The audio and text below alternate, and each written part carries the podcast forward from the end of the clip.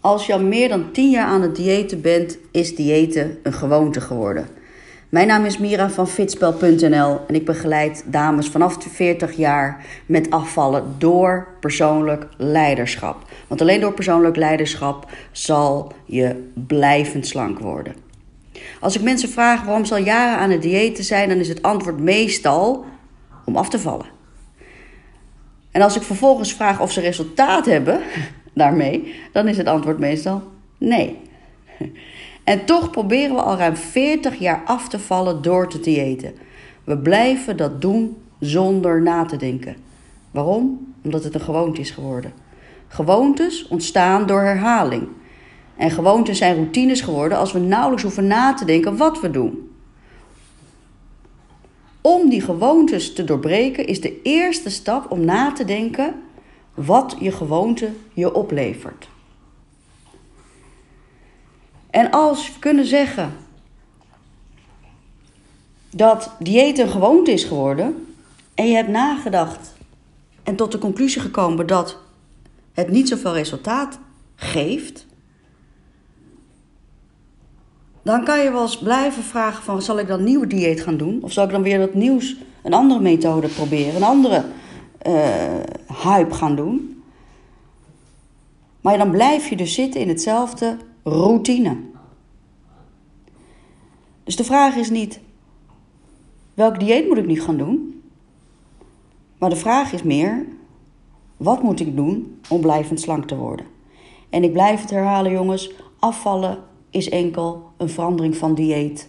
Maar blijvend slank worden is een verandering van identiteit. Blijvend slank worden gaat niet over kilo's. Blijvend slank worden gaat over wie wil jij worden. En wij als mensen, als sociale wezens, zijn behept met het gegeven dat we ons aanpassen aan onze omgeving. Dat is logisch.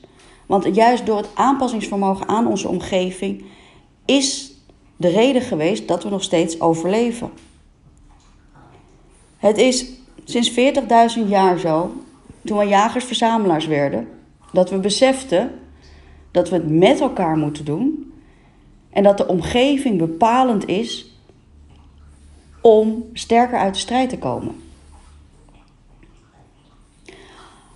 Als je beseft dat, dat wij sociale wezens zijn, dan kan je ook beseffen dat alles in jouw omgeving invloed heeft op jouw gedrag. En als dus 40 jaar lang onze omgeving zegt dat we moeten diëten om af te vallen, is het super simpel en super logisch dat jij denkt dat diëten de oplossing is om af te vallen. En diëten om af te vallen is zeker een methode, maar het is dus niet de methode om blijvend slank te worden. Want uiteindelijk is het grootste probleem bij afvallen is aankomen. En om dat te doorbreken, moeten we ons stil gaan staan bij onze gewoontes. Wat maakt dat wij steeds weer aankomen? Wat maakt het dat we niet kunnen volhouden een ingeslagen weg in te slaan om af te vallen en die vervolgens loslaten om weer aan te komen met alle stress, alle frustratie, alle pijn die daarbij komt kijken. Het antwoord is, denk ik, niet of-of. We vervallen zo snel in of-of. We vervallen zo snel in dat we een kant moeten kiezen. Maar blijvende verandering is en-en. Het gaat om jou, jouw interne motivatie, maar evengoed gaat het om de externe omgeving. En als we die kunnen beïnvloeden, en die kunnen we beïnvloeden, dan zijn we op weg om nieuwe gedachten te creëren, nieuwe zelfidentiteiten te creëren, waardoor je blijvend slank zal worden. Onderzoeken laten zien dat ongeacht iemands uh, cognitieve uh, mogelijkheden, uh, als iemand in een omgeving komt wat heel erg negatief is, zal de persoon negatief worden. Als iemand in een omgeving komt die positief is, zal iemand positiever gaan handelen. Het is dus de kunst om tweedelig om die routines te doorbreken. Die routine waarvan ik overtuigd ben dat diëten ook een routine is. En die kunnen we doorbreken door ons allereerst af te vragen: waarom zou ik die willen doorbreken? En vervolgens jezelf af te vragen: hoe ga ik die doorbreken? De waarom-vraag is hier altijd leidend.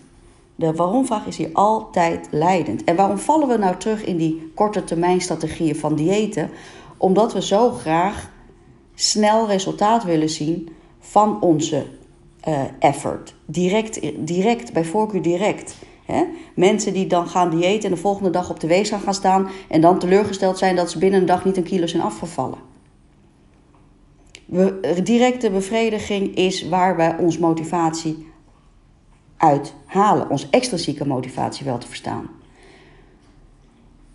Maar alles wat de moeite waard is, is het waard om moeite voor te doen. En alles wat de moeite waard is om moeite voor te doen, is altijd langer termijn. Altijd langer termijn. Is altijd doen. Is in de actie schieten.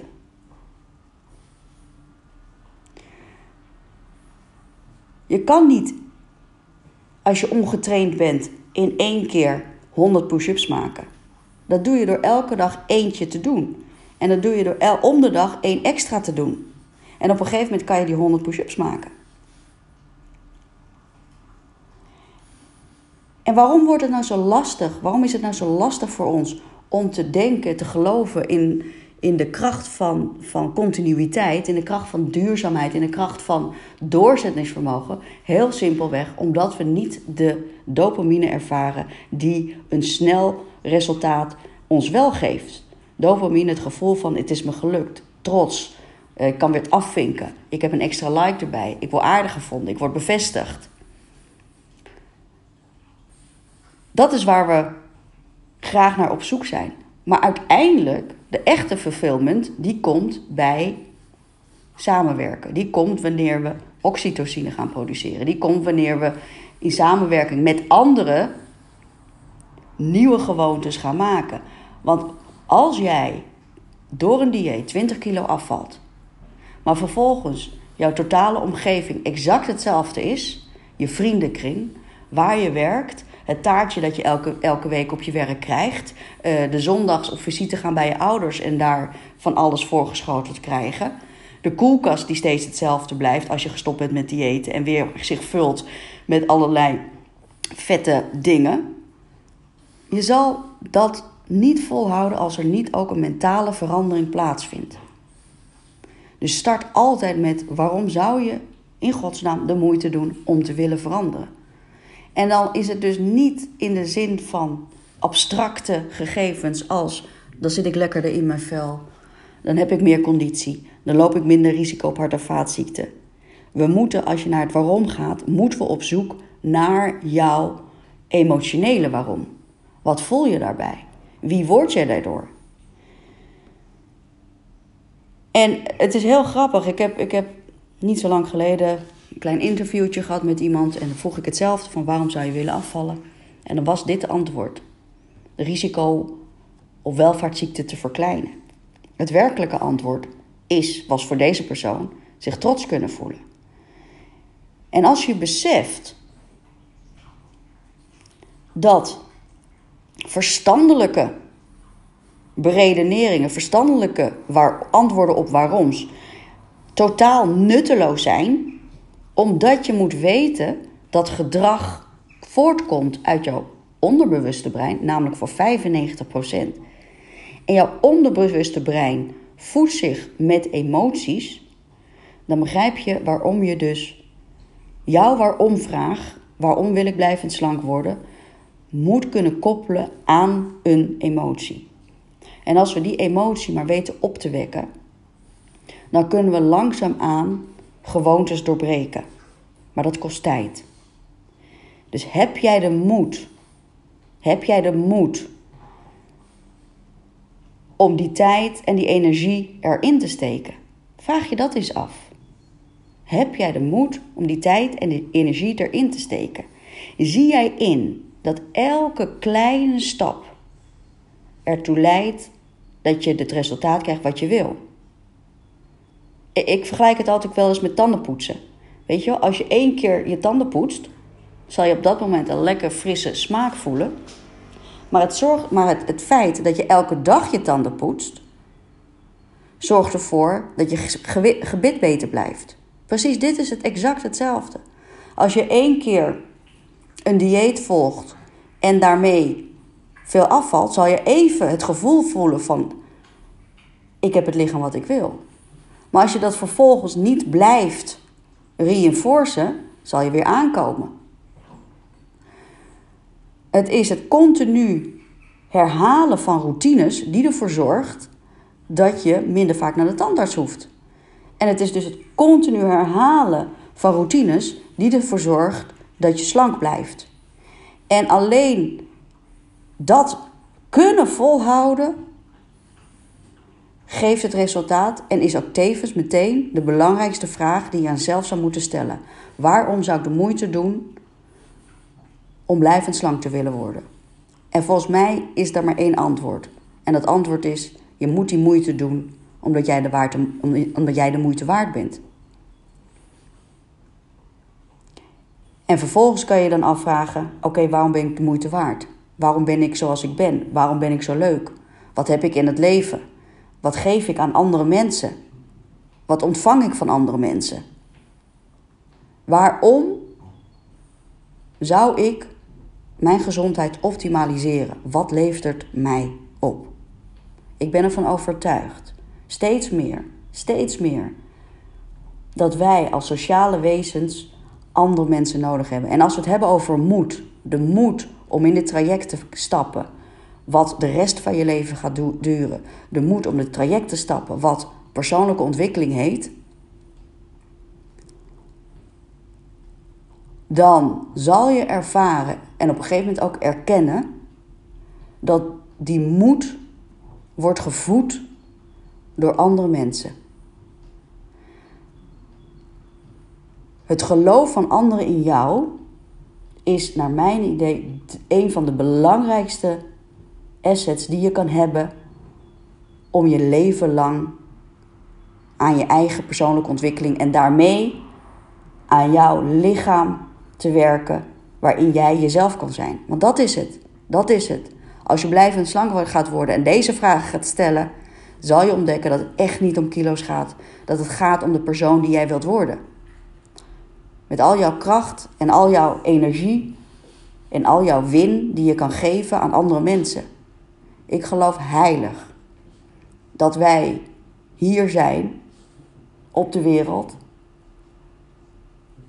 om bij te dragen aan de maatschappij. En dat kan alleen als jij de moed hebt om je eigen ontwikkeling, je eigen leiderschap te omarmen als een proces dat stapje voor stapje steeds sterker wordt. En dan hebben we dus te maken met externe en interne factoren. We hebben te maken met kennis. We hebben te maken met emoties. We hebben te maken met de sociale wereld. We hebben te maken met jouw identiteit. Het is niet en-en. Of sorry, het is niet of-of. Het is altijd en-en. Totaliteit.